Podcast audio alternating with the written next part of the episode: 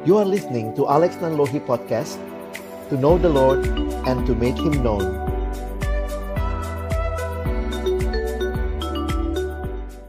Mari sama-sama sebelum kita membaca merenungkan firman Tuhan Kita berdoa Ya Allah yang setia, yang tidak pernah meninggalkan kami perbuatan tanganmu. Kami datang dalam ucapan syukur. Terima kasih Tuhan untuk kesempatan yang Tuhan berikan bagi kami untuk bersama-sama kembali bersekutu memuji memuliakan namamu. Dan tiba waktunya bagi kami untuk membuka firman-Mu ya Tuhan kami mohon ketika kami akan membuka firman-Mu bukalah juga hati kami Jadikanlah hati kami seperti tanah yang baik, supaya ketika benih firman Tuhan ditaburkan boleh sungguh-sungguh berakar, bertumbuh dan juga berbuah nyata di dalam kehidupan kami.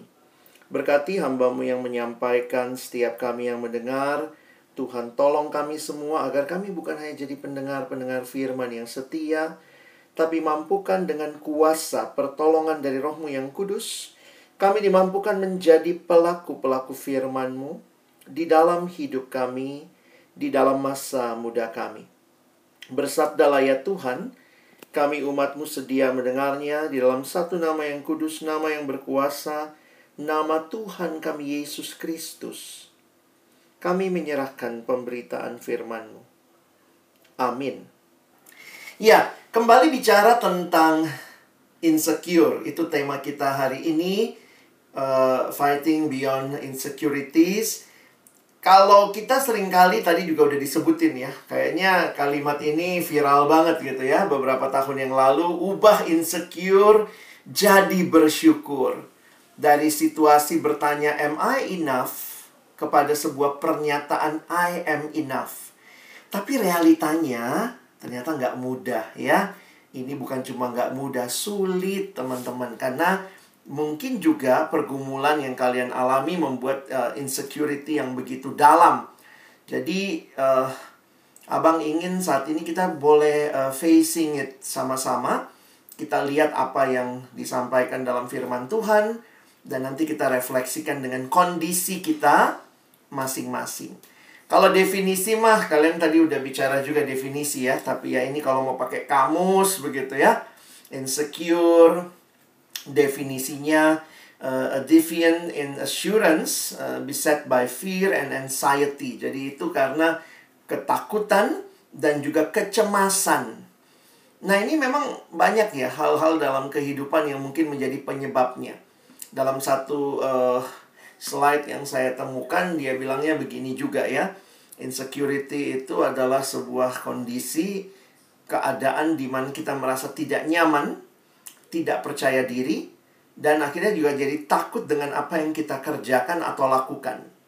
Jadi kayak rasanya semua serba salah begitu ya. Dan akar masalahnya kalau kita coba perhatikan sebenarnya ada di konsep tentang diri kita. Pertanyaan who am I menjadi pertanyaan yang terus ditanyakan sepanjang zaman. Yang sedihnya adalah manusia sering kali mendapatkan jawaban yang salah. Ada yang mencoba mengelaborasi pertanyaan ini dengan tiga pertanyaan lebih lanjut. Jadi sebenarnya who am I ini, pertanyaan siapakah saya, di dalamnya kita sedang berusaha menjawab tiga pertanyaan. Gampangnya kalau bahasa Inggris kayak kita lihatnya past, present, and future. Pertanyaan tentang masa lalu, dari mana saya datang? Saya ini dari mana sih? Lalu pertanyaan berkaitan dengan masa kini, eksistensi, ngapain saya di sini? Dan pertanyaan masa depan berbicara mau ke manakah saya? Nah, teman-teman kenapa ini jadi penting? Karena bayangkan ya, bayangkan begini. Kalau engkau dan saya tidak bisa menjawab pertanyaan ini dengan benar, kita tidak jawaban dapat jawaban yang benar atas pertanyaan ini, maka kita jadi nggak tahu siapa diri kita. Jepang negara paling maju di dunia dalam teknologi, di dalam kesejahteraan hidup, salah satu negara di Asia yang paling maju di dunia ya. Dan apa yang menarik? Ternyata kalau dilihat tingkat bunuh diri yang tertinggi di dunia salah satunya ada di Jepang. Dan itu lebih menyedihkan lagi yang tertinggi dari yang bunuh diri itu adalah kaum remaja. Dan mereka tidak bisa menjawab pertanyaan ini. Di tengah-tengah berbagai kemajuan ilmu pengetahuan, teknologi, budaya, masyarakat, mereka lompat dari apartemennya lantai 22 misalnya. Kalau cuma lantai 2 paling patah-patah ya. Ini lantai 22 begitu, lompat lalu mati. Ditemukanlah surat di kamarnya. Papa, mama saya nggak tahu ngapain saya hidup. Papa sibuk, mama sibuk. Yang ngapain saya hidup? Saya sendiri juga di sekolah dibully. Teman-teman tidak peduli dengan saya. Akhirnya kemudian dia merasa lebih baik saya mengakhiri hidup saya. Sedihnya, manusia bertanya tentang siapa dirinya, ngapain saya di sini, mau ke mana hidup saya, tetapi manusia tidak bertanya kepada pencipta yang sebenarnya punya jawabannya tentang hidup kita. Kalau engkau mau tahu untuk apa HP-mu dicipta, makanya kalau kita beli benda elektronik, biasanya disertai buku manual. Atau sekarang kadang nggak pakai buku ya anak sekarang langsung lihat di YouTube ya unboxing sampai cara settingnya. Dan kalau kita mau yang standar dia lihat penciptanya pabrik yang mengeluarkannya. Ketika engkau dan saya bertanya tentang pertanyaan siapakah saya sedihnya banyak remaja banyak orang-orang Kristen bahkan tidak bertanya kepada Tuhan yang adalah pencipta kita nggak baca buku manualnya yang memberikan kepada kita pemahaman siapa dirimu, untuk apa kamu dicipta. Karena itu kalau kita melihat, sedihnya ada juga remaja yang bertanya ini ke mana? Ke horoskop bintang minggu ini.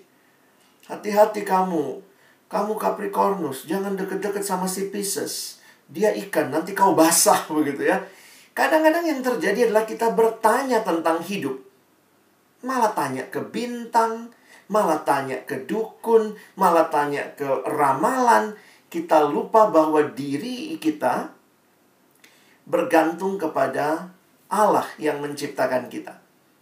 Karena itu di dalam kitab pengkhotbah pasal 12 ayat 1a dikatakan ingatlah penciptamu pada masa mudamu. Remember your creator in the days of your youth. Menarik ya, tidak diminta mengingat Allah sebagai Allah yang mengasihi, Allah yang uh, memelihara, Allah yang menyembuhkan, tetapi kalimat pengkhotbah remember your creator.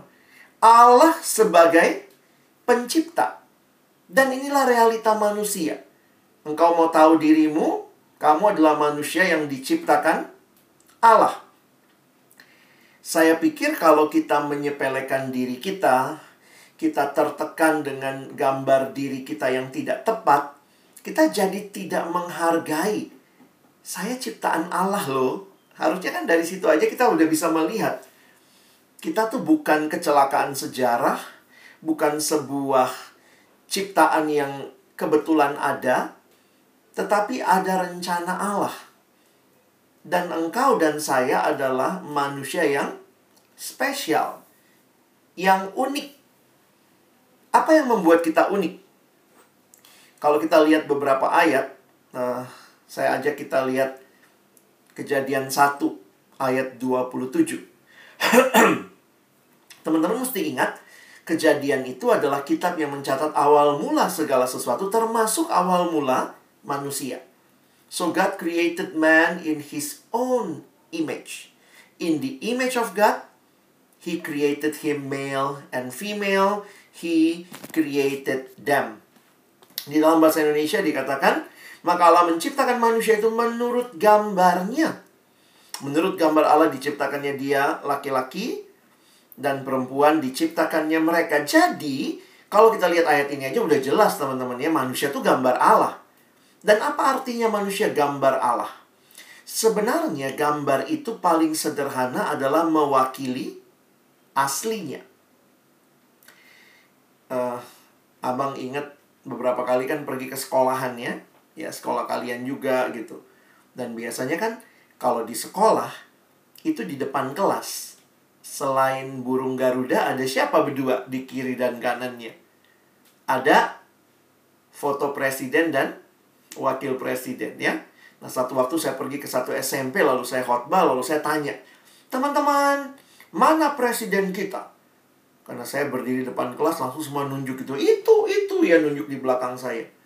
Saya bilang numpang tanya, kalau itu presiden kita, di sekolahanmu ada berapa presiden? Karena setiap kelas punya satu. Itu bukan presiden kita, itu cuma gambarnya. Jadi, gambar itu mewakili aslinya. Nah, ini kan konsep yang menarik nih. Manusia itu bukan Allah. Kita cuma gambarnya Allah. Dan apa artinya manusia gambar Allah? Seorang teolog Herman Bavinck mengatakan manusia makhluk ciptaan yang menggambarkan Allah. Tetapi di antara semua makhluk hanya manusia gambar Allah. Penyataan yang tertinggi dan terkaya dari diri Allah. Dan karenanya pemimpin dan mahkota dari seluruh ciptaan. Ingat ya, tadi MC kita juga bilang Tuhan ciptakan semuanya, lalu Tuhan ciptakan kita. Ini menunjukkan bahwa manusia punya tempat yang penting bahkan di dalam struktur ciptaan. Seorang teolog bernama Wayne Grudem mengatakan kalimat yang lain.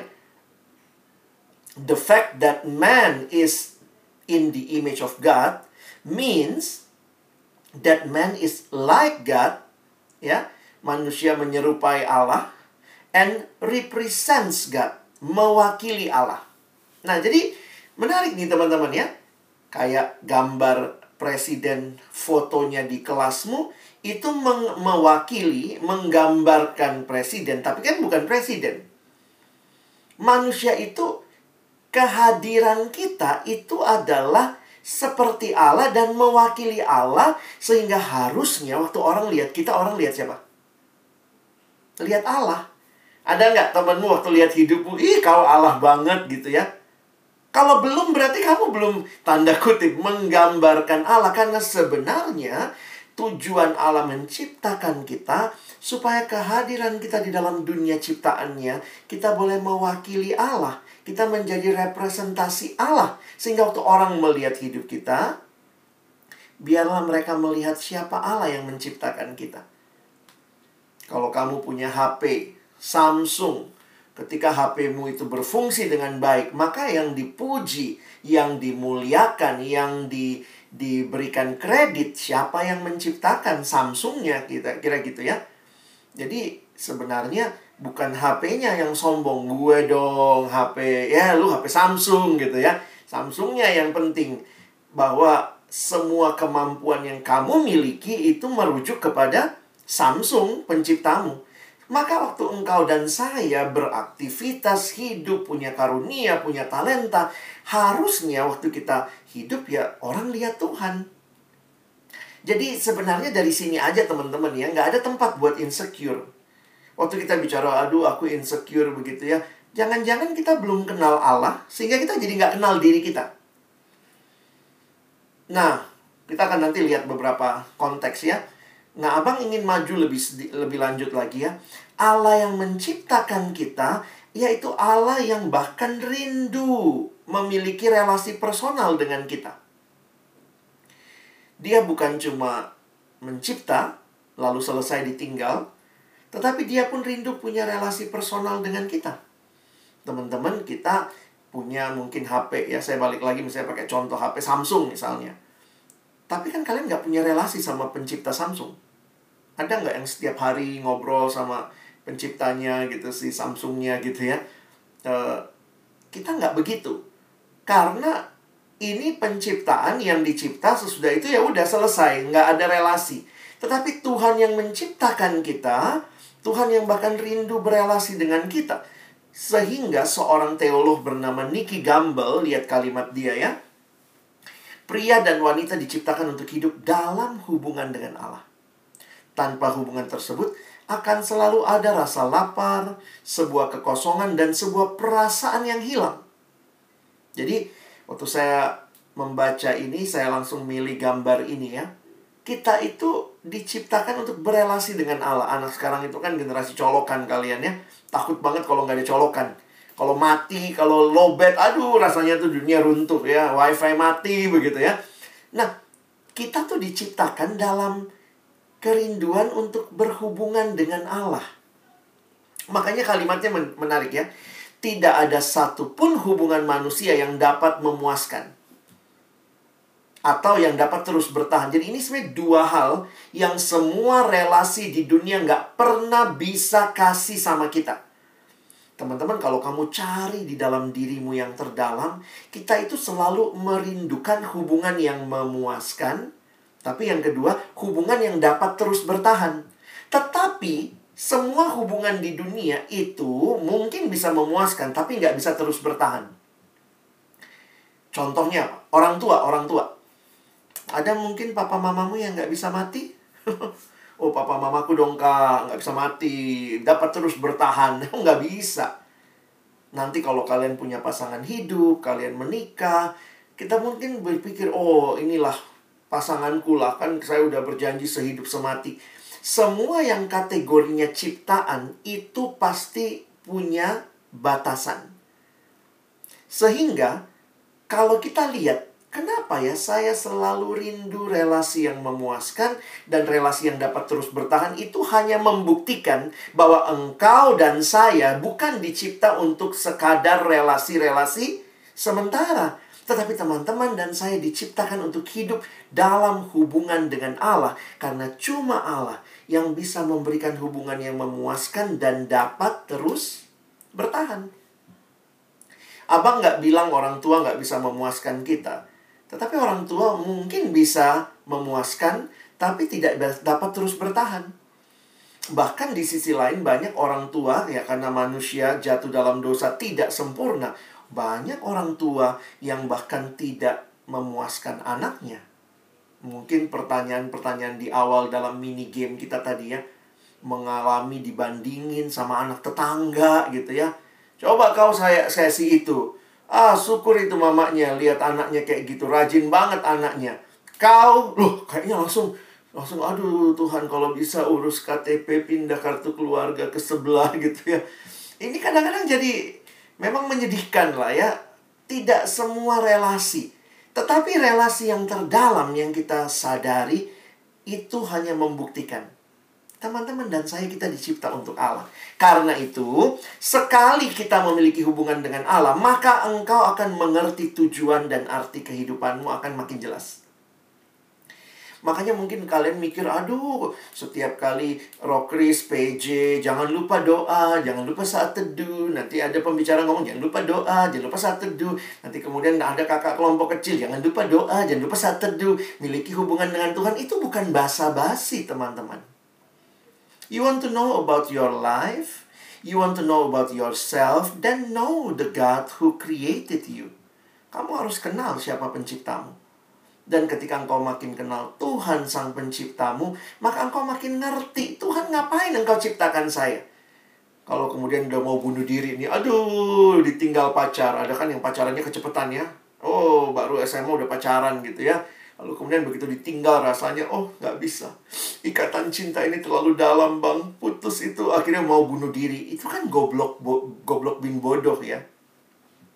Apakah Tuhan ciptakan kamu untuk bunuh diri? Kalau kamu kenal Tuhan, kamu akan bisa menempatkan hidupmu, relasi-relasimu, kekecewaan-kekecewaanmu. Bukan berarti hidup nggak ada kekecewaan ya. Kadang kita mengalami pergumulan kehilangan, pergumulan mungkin dihianati. Yesus pun mengalami itu, tetapi bukan bunuh diri yang jadi jalan keluarnya. Kenapa? I know my God who created me not for me to kill myself. Jadi kita jadi tahu ngapain saya di sini. Mau ke mana hidup saya? Bayangkan kalau orang dia nggak kenal Tuhan, dia nggak ketika dia alamin sesuatu dalam hidupnya, wah makin-makin self pity. Memang aku ini paling nggak berharga. Ya elah hidup. Kalau kamu lihat hidup, mungkin kamu jauh lebih beruntung dari mereka yang mungkin nggak bisa sekolah. Tapi itu kalau orang nggak kenal pencipta, maka dia melihat dirinya lah segala-galanya dan lupa apa tujuannya sang pencipta naruh kamu di situasi seperti itu. Jadi, Teman-teman, penting sekali kita kenal identitas kita. Karena ini basicnya mengerti atau bisa bertahan menghadapi insecurities. You know your identity and we know that we need to know God first. Jadi, kesimpulan kita sederhana. Our identity and purpose in this life come from God. Identitasmu, identitasku, identitas kita datangnya dari Tuhan. Nah, sering kali memang kita tidak bisa tutup mata. Kita ada dalam dunia yang sudah jatuh dalam dosa. Coba kita bahas sebentar ya. Yang pertama dulu kita bahas identity. Identity, your identity. Masih ingat tadi abang cerita di awal bahwa engkau dan saya kita sedang menggambarkan Allah. Seorang teolog bernama Richard Pratt dia menuliskan our true identity should make us have two two attitude at the same time. Kalau kamu tahu identitasmu, maka kamu punya attitude yang bersamaan pada waktu yang sama. Dia kasih contohnya begini. Orang yang tahu dia gambar Allah, nah lihat ya, ada permainan kata di situ. Kalau dia tahu dia gambar, nah lihat penekanannya, image-nya digedein. Kalau dia tahu dia gambar Allah, maka dia nggak sombong. Karena ya, Jangan pikir, oh gue Allah, gue Allah. Enggak, lu cuman gambar. Lu bukan Allahnya. Jadi, menyadari kita image of God, we will be humble. But at the same time, kamu bukan cuma image, kamu bukan cuma image biasa, kamu image-nya Allah, makanya God-nya gede. Maka at that point, we also have dignity. Nah, bagaimana tuh? indahnya hidup sebagai manusia. Pada saat yang sama kita nggak takabur jadi sombong, tapi kita tetap humble. Tapi waktu kita humble pun kita tidak menyepelekan diri because we have dignity. So our identity at the same time give us attitude of humbleness and also dignity. Nah, kenapa? Karena memang kalau kita perhatikan identitas ini penting banget. Nah, kita sekarang bicara identitas ya. Teman-teman, identitas kita dari mana? Dari Tuhan. Udah jelas itu yang dikatakan di Alkitab. Jadi Tuhan nggak bilang begini ya. Kamu kalau sudah lakukan 1, 2, 3, Tuhan kasih kita 10 list. Lakukan 1, 2, 3, 4, 5, 6. Barulah kamu gambarku. Itu berarti identitasnya belum dapat. Nangkep ya? Kalau Tuhan bilang, lakukan satu, dua, tiga, empat, lima, baru kamu jadi gambarku. Enggak, Alkitab nggak bicara gitu loh teman-teman. Alkitab itu bicara langsung begitu Tuhan cipta. Kamu gambarku. Tangkap ya? Kamu gambarku karena itu kamu lakukan ini, ini, ini, ini, ini. Kita bicara identity di dalam Alkitab itu bukan sesuatu yang kita capai. True self identity is not gain but given given by God the Creator. Nah, memang kita nggak bisa tutup mata dunia ini berusaha memberikan yang sebaliknya. Karena itu kadang-kadang kita jadi insecure karena kita rasa kalau kita lakukan ini, ini, ini, ini, barulah saya jadi ini. Selalu dunia berkata, action, maka kamu dapat status. Alkitab nggak gitu loh teman-teman. Alkitab udah given. Kamu gambar Allah. Kadang-kadang orang tua juga begitu ya, tanpa kita sadari ya. Kadang-kadang orang tua kalau cerita, iya ini anakku nih baru lulus kuliahnya ya. Sudah mulai kerja dia, sudah bisa, sekarang dia sudah jadi orang. Hah? Emang sebelumnya monyet? Itu cara dunia melihat. Kalau kamu berhasil, barulah kamu, wih ini hebat. Jadi status itu adalah sesuatu yang harus saya buktikan. Saya harus raih itu barulah saya dianggap demikian. Alkitab nggak gitu. Tuhan mengatakan kamu belum bukannya belum jadi gambar Allah, kamu sudah gambar Allah.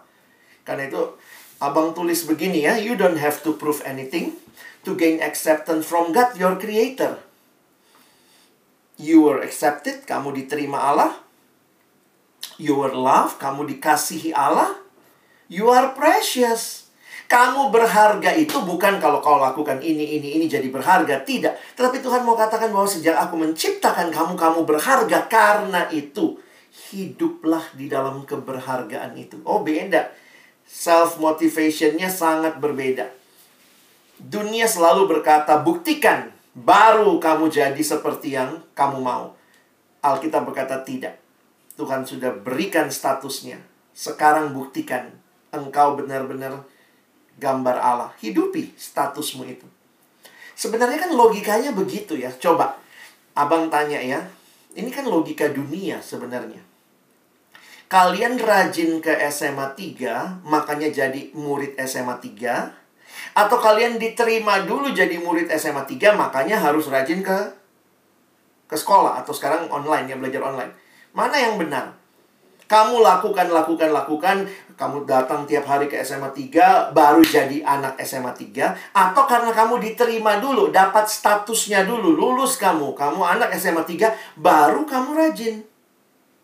Jadi kan sebenarnya logikanya jelas ya.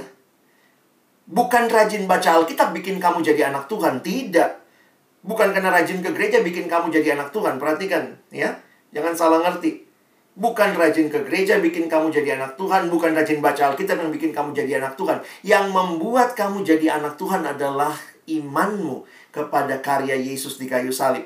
Dan karena kamu beriman kepada Yesus, maka kamu sudah anak Tuhan. Karena kamu anak Tuhan, makanya rajin baca Alkitab. Karena kamu anak Tuhan, makanya rajin ke gereja. Jadi kita jangan bolak-balik teologianya ya banyak orang Kristen merasa dia harus membuktikan sesuatu supaya diterima oleh Tuhan sehingga ketika lihat orang lain ih gile Alkitab dia lebih tebel. Aku Alkitabnya kecil begini. Aduh dia rajin baca Alkitab saat teduhnya. Lalu kemudian kita masih merasa pasti Tuhan lebih terima dia. Berarti kamu belum merasa kamu anak Tuhan. Tuhan mengatakan kamu anakku. Bahkan Roma 5 ayat 8 mengatakan bahkan waktu kamu masih berdosa Kristus sudah mati buat kamu itu membuat kita menyadari, kalau demikian besar kasihnya, maka aku akan mau hidup buat Tuhan. Oh beda saudara. Ya, jangan dibolak-balik kekristenan kita. Nah, jadi banyak orang insecure karena dia sendiri nggak yakin bahwa Tuhan mengasihi dia. Hari ini, eh, kemarin ya, Pastor Raditya Oluan meninggal dan dalam hidupnya beberapa yang saya perhatikan yang menonjol adalah dia ingatkan bahwa Tuhan mengasihimu. Dan itu Tuhan buktikan di kayu salib. Jangan ragukan kasih Tuhan. Apalagi kita suka merasa kalau saya ngalaminnya nggak baik, itu karena Tuhan nggak mengasihi saya. Jadi kebaikan Allah tuh kayak tergantung usaha kita. Oh, nggak begitu kekristenan. Tuhan tetap baik. Engkau unik. Ya, memang menarik ya Tuhan nggak bilang kita apa bedanya unik sama langka? Mana kalian lebih suka disebut manusia unik atau manusia langka? Langka itu mungkin nggak keluar lagi model begitu. Unik itu begini sama kayak ikan di akuarium ya. Semuanya ikan tetapi setiap ikan ini unik. Kita semuanya manusia tetapi kita unik. Yesaya mengatakan pasal 43 ayat 4 oleh karena engkau berharga di mataku dan mulia dan aku ini mengasihi engkau. Maka aku memberikan manusia sebagai gantimu dan bangsa-bangsa sebagai ganti nyawamu. Dilanjutkan ayat 7. Semua orang yang disebutkan dengan namaku yang kuciptakan untuk kemuliaanku. Jadi Tuhan ciptakan kita untuk kemuliaan dia, yang kubentuk yang dan juga kujadikan. Ingat baik-baik. Your identity is in God. Jadi bukan apa kata orang, bukan apa kata orang tuamu. Your identity is in God, penciptamu.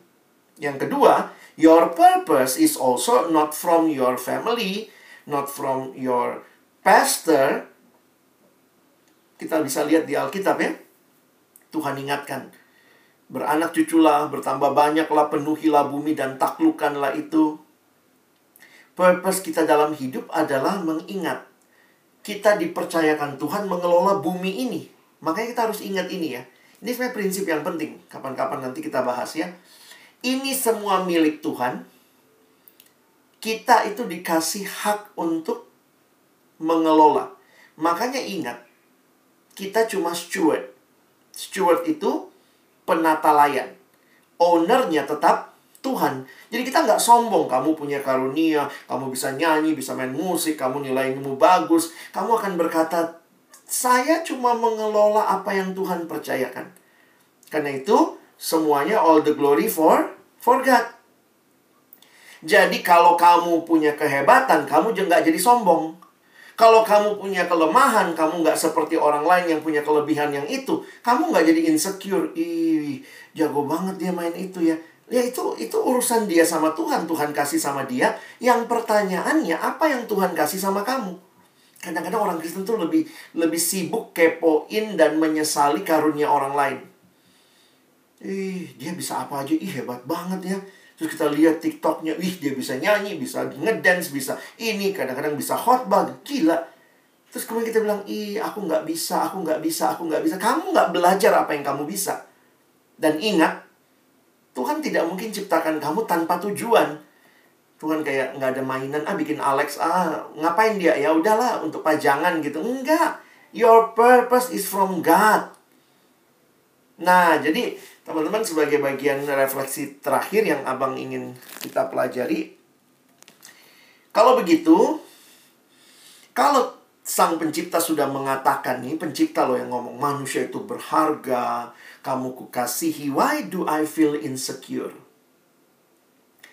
Jawaban Alkitab sebenarnya yang pertama dan terutama adalah karena manusia ini adalah ciptaan Allah yang sudah jatuh dalam dosa. Dosa itu pada intinya apa? Tidak percaya pada Allah. Allah bilang engkau berharga, engkau kukasihi. Kita bilang enggak ah, kayaknya aku kurang berharga. Itulah geloknya manusia, gilanya manusia, bodohnya manusia. Dosa membuat kita tidak percaya apa yang Tuhan nyatakan melalui firman-Nya. Udah jelas di firman-Nya, engkau dikasihi, engkau diterima. Lalu kemudian yang terjadi adalah kita menolak semua yang Allah nyatakan dan mulailah kita merasa kitalah yang harus menilai diri kita. Sehingga terjadi seperti ini nih. Jangan heran ketika engkau dan saya yang sudah jatuh dalam dosa menilai diri kita, maka mungkin dua kemungkinan terjadi. Begitu kamu punya kelebihan, kamu jadi sombong. Sombong itu kan insecure yang keluar dia. Begitu kamu lihat orang lain lebih dari kamu, kamu langsung jadi minder. Sombong sama minder saudara kembar. Yang satu memandang diri ketinggian, yang satu memandang diri kerendahan. Dua-duanya kenapa? Karena insecure. Tidak merasa dirinya tepat seperti yang Tuhan sudah nyatakan baginya. Jadi, orang yang insecure nih dampaknya ya tidak dapat melihat diri kita berharga dikasih oleh Allah. Udah dikasih tahu, udah dengar firman berkali-kali, masih aja minder, masih aja. Nah, saya pikir juga ini memang masalahnya dosa ya. Mesti diselesaikan. Tidak mampu menilai diri dengan tepat yang tadi abang bilang bisa jadi sombong, minder. Tidak bisa terima diri. Selalu merasa saya mesti ngapain sih supaya Tuhan lebih sayang sama saya. Apalagi yang saya mesti lakukan. Tuhan bilang, aku udah menyayangimu. Lakukan semuanya dengan syukur. Bukan supaya diterima Allah. Jadi, lihat nih dampaknya lagi. Kita jadi lebih memikirkan dan mempedulikan apa kata orang atau lingkungan di sekitar kita daripada apa kata Tuhan. Coba, memang ya nggak gampang ya ini mungkin gampang disampaikan tapi abang sadar juga beberapa keluarga itu kan disfungsi. Saya punya teman selalu dari kecil dikasih seorang tua yang ngomong gitu. Dasar kamu anak bawa sial, jadi dia saudara bertiga. Sejak dia lahir, papanya bangkrut, usahanya gulung tikar, lalu kemudian mulai usaha baru, dan itu tertati-tati gitu ya. Sementara waktu kakaknya, kakaknya itu, wah bapaknya di masa jaya gitu. Jadi itu orang tua kalau lagi marah, ngomong sama dia, dasar kamu memang anak bawa sial. Sejak kau lahir lah hancur kita semua. Dasar kau memang anak yang gak diharapkan. Wih, itu masuk tuh.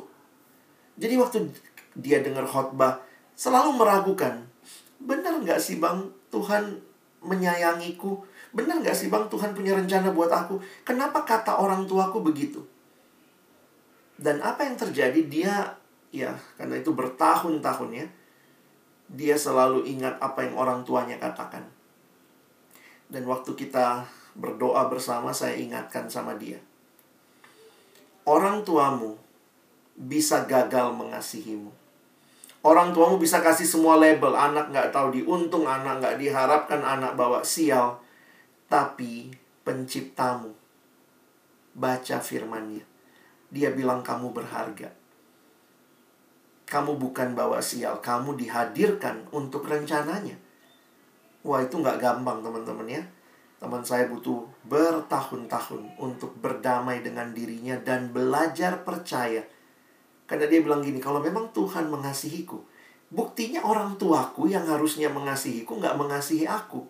Gimana itu bang? Saya bukakan ayat di kitab Mazmur, kalimat Daud. Sekalipun ayahku dan ibuku menolak aku, namun engkau menerima aku. Saya bilang, lihat ayat ini. Tidak ada keluarga yang sempurna. Pasti kita pernah disakiti dan mungkin banyak dari kita gara-gara disakiti keluarga itu kita jadi insecure ada yang bilang kalau dibully aku masih tahan bang. Karena mungkin yang ngebully juga teman sekolah dia nggak kenal gua. Tapi kalau udah orang tua yang ngomong bang dia kan kenal kita banget ya bang. Saya bilang oh dalam hati ya kalau lagi konseling saya dengerin dulu tapi belakangan saya balikin semua. Tidak ada orang tua yang kenal dalam tuntas tentang anaknya. Yang kenal kamu hanya Tuhan. Masih ingat lagu kamu suka nyanyi ya Tuhan inilah yang ku mau Kau menjaga hatiku. Tuhan inilah yang ku tahu. Kau mengenal hatiku. Le eh, Melebihi semua Yang terdekat sekalipun. Saya bilang kamu bisa nyanyi itu Tapi masih merasa Karena dia tertekan sama orang tuanya ya. Saya bilang saya nggak menyuruh kamu lawan orang tuamu. Tapi saya harus katakan, keluarkan semua yang orang tuamu katakan yang tidak benar, yang bukan itu yang Tuhan nyatakan buatmu. Nah, itu prosesnya bisa panjang. Makanya tadi kalau abang bilang ya untuk beberapa teman yang insecurity-nya berlebihan, mungkin kamu butuh terapi ya, butuh datang ke konselor Kristen. Kalau mungkin uh, itu jadi masalahmu, ya saya karena insecure yang keluar dengan teman, mungkin melihat orang, melihat artis apa yang kamu misalnya lihat, bisa jadi itu masalahnya diawali dari keluarga yang disfungsi. Jadi insecurity-mu itu bukan masalah relasimu dengan orang itu terlebih dahulu. Mungkin relasi-relasi di dalam dirimu. Umur 0 sampai 3, masa-masa harusnya anak dapat kepercayaan. Nah, kita nggak tahu masa kecilmu jangan-jangan orang tuamu abai, lalai, tidak memberikan trust, sehingga masa-masa gedenya kamu jadi orang yang sulit percaya sama orang lain. Nah, itu ada masa masa itu di masa kecil masalahnya. Nah, itu harus diatasi gitu ya, harus ditolong. Jadi, akhirnya selalu membandingkan diri dengan orang lain, merasa ada yang kurang dalam diri kita, dan bisa jadi karena pola keluarga gitu. Dapat 10, Allah cuma 10. Bapak dulu dong, 10-nya 4 kali berturut-turut. Jadi kayaknya selalu ada yang kurang. Karena pola asuh keluarga gitu ya. Ketika mengalami penolakan dan kritik langsung merasa insecure, nggak bisa tidur, dipikirin orang ngomong apa, agak susah jadi jadi selebriti ya. Di mana netizen itu kan netizen jahat tuh banyak ya. Jadi kalau kamu cepat insecure-nya, ya, jangan-jangan kamu juga uh, punya masalah identitas ya. Nah, jadi penutupnya bagaimana dapat mengatasi perasaan insecure? Ya.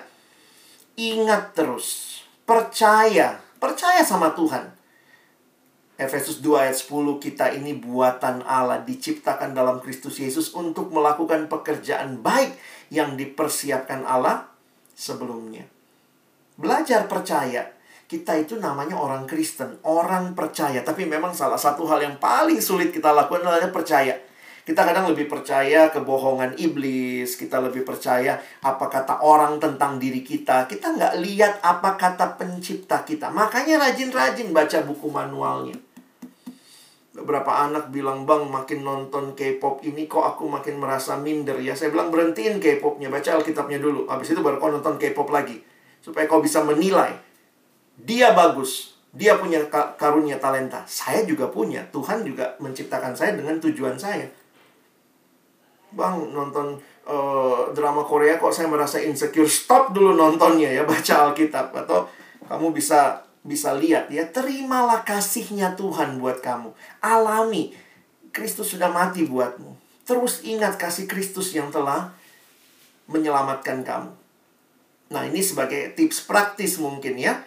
Kalian mesti ingat juga ada yang namanya bubble of control. Jadi ini buat teman-teman yang biasanya uh, sulit gitu ya untuk uh, atau masih gampang sekali insecure, saya suka tolong dengan bubble of control. Lihat hal-hal mana yang bisa kamu kontrol, yang mana yang nggak bisa kamu kontrol. Yang bisa kamu kontrol adalah apa? Berita buruk ya udah jangan nonton beritanya, selesai kan? Pendapat orang lain itu masih bisa kita kontrol dalam arti saya belajar untuk cuma mungkin gini, jangan juga tolak pendapat orang lain ya. Belajar untuk menerima tapi tidak menekan dirimu. Itu kan bisa kita kontrol ya. Tetapi ada hal-hal yang uh, sorry, so yang yang di luar itu malah yang nggak bisa kita kontrol. Yang bisa kita kontrol yang di dalam tuh ya. Poinnya adalah gara-gara pendapat orang, kadang-kadang kita juga jadi bilang, emang gue jelek kali ya. Orang bilang, ih jelek banget, ih emang gue jelek ya Lalu kemudian kita tertekan sama perkataan orang kalau menjadi pendapat kita. Nah, lihat bubble of controlmu. Pendapatmu, prinsipmu, responmu, mindsetmu, perasaanmu, itu semua di bawah kontrolmu. Tuhan kasih kontrol buat kita. Yang kita nggak bisa kontrol masa lalu kita yang udah terjadi. Kita nggak bisa kontrol apa kalimat orang buat kita. Kita nggak bisa kontrol cuaca, kita nggak bisa kontrol pandemi, kita nggak bisa kontrol berita buruk. Tapi yang bisa kita lakukan, yang bisa kita kontrol adalah tidak usah nonton, tidak usah lihat, tidak usah. Jadi mindset kita insecure itu menyelesaikannya bukan selamanya dengan uh, ada yang bilang pokoknya asal sudah dekat sama Tuhan selesai. Kita harus melah, melihat kontrol yang tepat. Nah, karena itu sebagai doa terakhir, saya ingat ini ya. Doa yang disebut dengan serenity prayer. Jadi doa mohon hikmat Tuhan. Menarik sekali kalimatnya begini. Tuhan berikan aku hikmat untuk menerima hal-hal yang tidak bisa aku ubah. Yang nggak bisa diubah ya diterima. Tetapi berikan aku keberanian, courage untuk mengubah hal-hal yang bisa aku ubah. Dan berikan aku hikmat untuk bisa membedakan keduanya. Wah ini indah banget ya. Ada hal-hal dalam hidup yang kita nggak bisa ubah. Jadi kalau kamu tertekan gara-gara hal yang nggak bisa diubah, sebenarnya kita bodoh sendiri. Ada anak yang marah terus gitu. Kenapa dia orang tuaku? Kenapa dia orang tuaku? Terus hidup dengan penyesalan. Kenapa dia orang tuaku? Saya bilang itu nggak bisa diubah. Kamu terima. Saya punya orang tua dan mereka tidak sempurna. Terima itu. Nggak bisa. Kamu doa semalam suntuk. Oh, Tuhan ganti orang tua, ganti orang tua. Begitu amin masih dia orang tuamu. That is the things you cannot change. So, kalau nggak bisa diubah, terima. Ya udah, itu. Yang bisa diubah apa? Yang bisa diubah adalah saya mau mengasihi keluargaku. Itu bisa diubah. Dulu saya benci banget. Kenapa dia keluargaku? Diikuti kebencian. Sekarang, saya bisa ubah. Saya nggak mau benci, tapi saya mau mengasihi. Jadi kadang-kadang jangan dibolak-balik. Yang bisa diubah kita nggak ubah, yang nggak bisa berubah kita terus menyesali kenapa ini orang tuaku? Kenapa dia begini? Aduh nilaiku tahun lalu nilaiku tahun lalu. Udah nggak bisa diubah. Nggak bisa. Gara-gara itu kamu susah dapat jalur undangan mungkin. Aduh nilai gua waktu kelas 2 aduh nilai gua waktu kelas 2 ya udah udah mau diapain? Sekarang yang bisa kita lakukan adalah belajar yang baik. Jadi jangan insecure dengan hal-hal seperti itu. Dan memang kita butuh hikmat untuk membedakan yang mana yang bisa diubah dan yang mana yang nggak bisa diubah Nah, karena itu abang berharap kalian kembali tanamkan iman yang dalam kepada Allah. Saya tutup dengan slide ini ya. Apa yang Allah katakan tentang kita jauh lebih penting dan tidak bisa diubah oleh apa yang orang katakan tentang kita. Kiranya pemahaman firman ini menolong adik-adikku untuk bisa berjuang ya di dalam hidup sebagai anak-anak yang mau rindu menyenangkan Tuhan. Amin. Mari kita berdoa. Bapak Surgawi, tolong kami setelah mengerti firman-Mu, mengerti juga identitas kami dari pencipta kami, maka kehidupan kami biarlah terus dipimpin oleh Tuhan. Ampuni kami yang sering kali sulit percaya kepada Tuhan dan mungkin lebih menaruh percaya kepada apa kata orang, apa kata diri kami tentang kami, apa kelemahan-kelemahan yang kami lihat, tapi lupa bahwa sebenarnya ada hal yang tidak mungkin diubah, tapi ada hal yang bisa kami ubah. Hal-hal yang tidak bisa kami ubah, tolong kami belajar menerimanya. Dan hal-hal yang bisa kami ubah, berikan kami keberanian untuk mengubahnya. Sehingga kami tidak jadi anak-anak yang insecure, tapi terus bersyukur. Karena Tuhan ada dan Tuhan mengasihi kami dan memimpin hidup kami. Terima kasih, tolong kami bukan cuma jadi pendengar firman, mampukan kami jadi pelaku-pelaku firman-Mu. Dalam nama Yesus kami berdoa, kami bersyukur. Amin.